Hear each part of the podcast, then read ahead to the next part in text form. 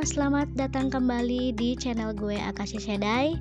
Dan kali ini di podcast gue yang malam ini nih Gue mau ngomongin tentang anime NTR terbaik versi gue. Jadi nih ceritanya gue kan udah sering banget, udah banyak banget nonton anime ya Berbagai genre gitu. Kecuali hentai gue nggak suka hentai ya. Jadi seru-seru aja yang nanya rekomendasi hentai ke gue gue nggak bakalan jawab karena gue nggak pernah nonton. Nah uh, kecuali buku no ya. Anjir. Buku no gue nonton coba. Itu gara-gara dijebak ya. Tolong jangan uh, menganggap gue hina dan bejat gitu. Karena gue juga dijebak nih sama temen kan. Parah banget. Jadi kalian kalau punya temen yang nyaranin kalian untuk nonton buku no please jangan nonton. Itu anime laknat banget emang ya. Itu sudah terlalu jauh melenceng dari apa yang kita pikirkan gitu tentang anime selama ini.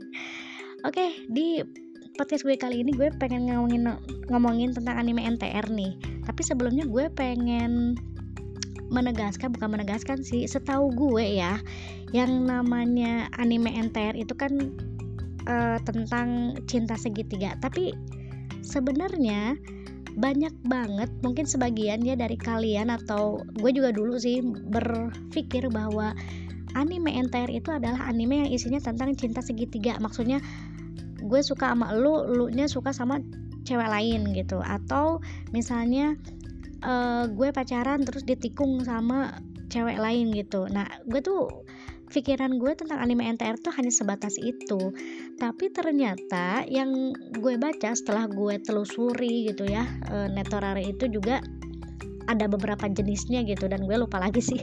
Ntar gue ulik-ulik lagi deh ya. Tapi secara garis besar uh, anime yang masuk kategori NTR itu tuh nggak sembarangan. Bukan cuman cinta segitiga doang terus cintanya lu ketikung sama siapa gitu. Nggak seperti itu nggak sesimpel itu ternyata ya anime NTR tuh. Jadi gimana kita bisa tahu kalau satu anime itu masuk kategori NTR atau netorare? Netorare atau netorare lah gitulah. Gimana ya cara bacanya? Gue suka bingung nih. Cara bacanya NTR tuh netorare apa netorare? Uh, jadi netorare ini uh, anime kalau kategori anime yang bisa masuk NTR itu adalah adanya adegan skin to skin relationship atau adegan enak-enak.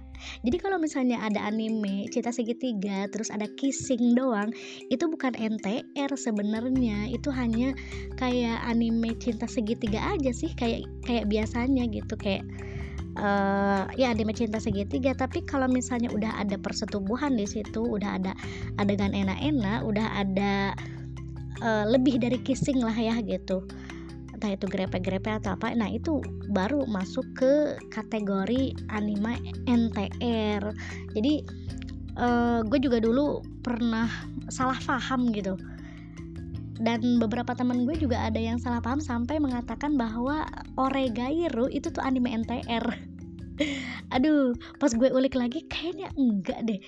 Soalnya di Oregairu itu penuh dengan dialog dan monolog yang amat sangat epic yang relate dengan kehidupan sehari-hari, monolog yang bagus dengan diksi yang unik gitu ya dari Hikigaya Hachiman, Yukinasta Yukino, Yugi Hama Yui, Yugi Yui Gahama Yui. Tapi tidak ada adegan persetubuhan kan di antara mereka gitu. Jadi pas gue lebih dalam lagi ngulik ya Oregairu mah bukan anime NTR kali itu mah anime cinta segitiga aja nah lalu gue sambil memperdalam gitu ya ternyata gue akhirnya tahu bahwa tidak sembarangan anime masuk ke kategori NTR. Pokoknya nih ya. Jadi kesimpulannya anime NTR itu adalah anime yang di dalamnya tikung menikung tapi juga ada di situ hmm, hubungan badan. Itu loh ya. Jadi kalian jangan sampai istilahnya tuh jangan sampai terkecoh. Oregairu eh, NTR atau misalnya uh, Kanojo Okerishimas NTR terus Gotobu no Hanayome NTR wah enggak juga sih itu tuh itu cerita segitiga segi empat segi lima yang biasa aja gitu. Tidak ada eksekusi enak-enak di situ jadi itu bukan NTR nah kalau misalnya ada adegan enak-enak sama pacar ya kalau misalnya tidak ditikung ya bukan NTR juga itu NTR itu ada syarat-syaratnya ditikung dan ada persetubuhan itu aja ya Nah oke balik lagi ke topik. Gue mau ngomongin ini satu anime NTR yang menurut gue punya banyak uh, something spesial Jadi nggak hanya fokus di enak-enaknya doang Tapi emang enak-enaknya di anime ini tuh gue suka banget sih. Ya kalau kalian bisa nebak Kalian jago nih. Gue suka banget nih sama anime Kuzu no Honkai bukan Kuzu no Hentai ya Kuzu no Honkai. Awas tuh apa ke kepleset tuh lidahnya. Gue juga dulu kepleset nih Kuzu no Honkai Kuzu no Hentai. Emang rada-rada emang nyerempet ke hentai sih cuman nggak diliatin aja pas eksekusinya. Maksudnya grepe-grepe ciumannya ya diliatin tapi kalau sampai begituannya enggak ya. Nah kenapa gue mengatakan bahwa Kuzuno Honkai ini adalah anime anime NTR terbaik versi gue. Itu gue punya beberapa poin yang gue rangkum gitu yang gue berpikir bahwa anime ini tuh layak menjadi anime NTR yang justru bukan anime laknat sembarangan gitu. Tidak hanya erotis tidak hanya um, baper tidak hanya kompleks secara uh, isi cerita tapi juga secara perasaan. Jadi uh, ketika ini kan Kuzuno Honkai ini menceritakan tentang Hanabi sama Mugi. Hanabi itu yang cewek ya Mugi itu cowok. Uh, mungkin gue tuh waktu pertama kali nonton ini tuh gue rada apa ya rada bingung gitu cowok kan namanya Mugi sih soalnya yang gue tahu Mugi itu namanya cewek. Ternyata nama Mugi itu bisa digunain sama cewek sama cowok ya. Nah Hanabi sama Mugi ini si Hanabi si cewek dia itu punya dia naksir sama seseorang eh guru sekaligus tetangganya yang udah sebenarnya dia anggap awalnya itu kakak ya tapi jadi jatuh cinta. Nah si Mugi dia jatuh cinta sama seorang guru namanya Kanae. Tapi dua-duanya si Hana bisa Momogi ini falling in love with people they can't have. Jadi dua-duanya nggak dapat cinta mereka timbal baliknya gitu bertepuk sebelah tangan lah istilahnya ya. Nah eh, si Kanae yang guru yang disukai sama si Hanabi itu malah naksirnya sama si Akane guru yang disukai sama si Mugi. Lah kompleks lah itu ya. Dan gara-gara mereka sudah kadung terlanjur kecewa karena perasaan mereka tidak terbalas udah hampir stres banget gitu ya mereka akhirnya me, apa ya kayak membuat kesepakatan untuk pacaran dan melampiaskan nafsu mereka ke masing-masing gitu loh. Karena tidak dapat melampiaskan perasaan mereka sama orang yang sama orang yang mereka suka. Jadinya ya yang ada aja lah gue embat gitu. Yang ada aja gue manfaatin. Nah di sini awal-awalnya gue merasa bahwa Mugi sama Hanabi ini tuh gila nih. Nih dua orang tuh kayaknya uh, otaknya udah melenceng jauh ya. Yuk lu bayangin aja gitu. Lu nggak suka lu suka sama orang terus cinta lu nggak terbalas terus lu punya sahabat ah daripada gue sedih mulu gitu ya stres gara-gara gue ditolak eh, cinta gue nggak terbalas mendingan gue sama teman gue aja lah enak-enak gitu. How come gitu? Aduh ini gila sih ini premis yang dibikin sama anime ini tuh buat gue mind blowing sebenarnya. Gue belum pernah menemukan yang sekompleks ini dalam hal perasaan gitu ya. Nah itu kan cintanya itu gue kira hanya sebatas kayak cinta segitiga segi empat kayak gitu ya. Maksudnya tuh Mugi uh, suka sama Akane Akane sukanya sama Kanae. Kanae sukanya sama Akane tapi juga si Kanae ini disukai sama si Hanabi. Nah Hanabi juga sempat disukai sama uh, Echan tapi itu cewek. Bayangin dong lu disukai itu sama cewek. Uh, apa de, bangsamu sendiri gitu. Uh, di anime ini gue yang agak shock juga sih itu.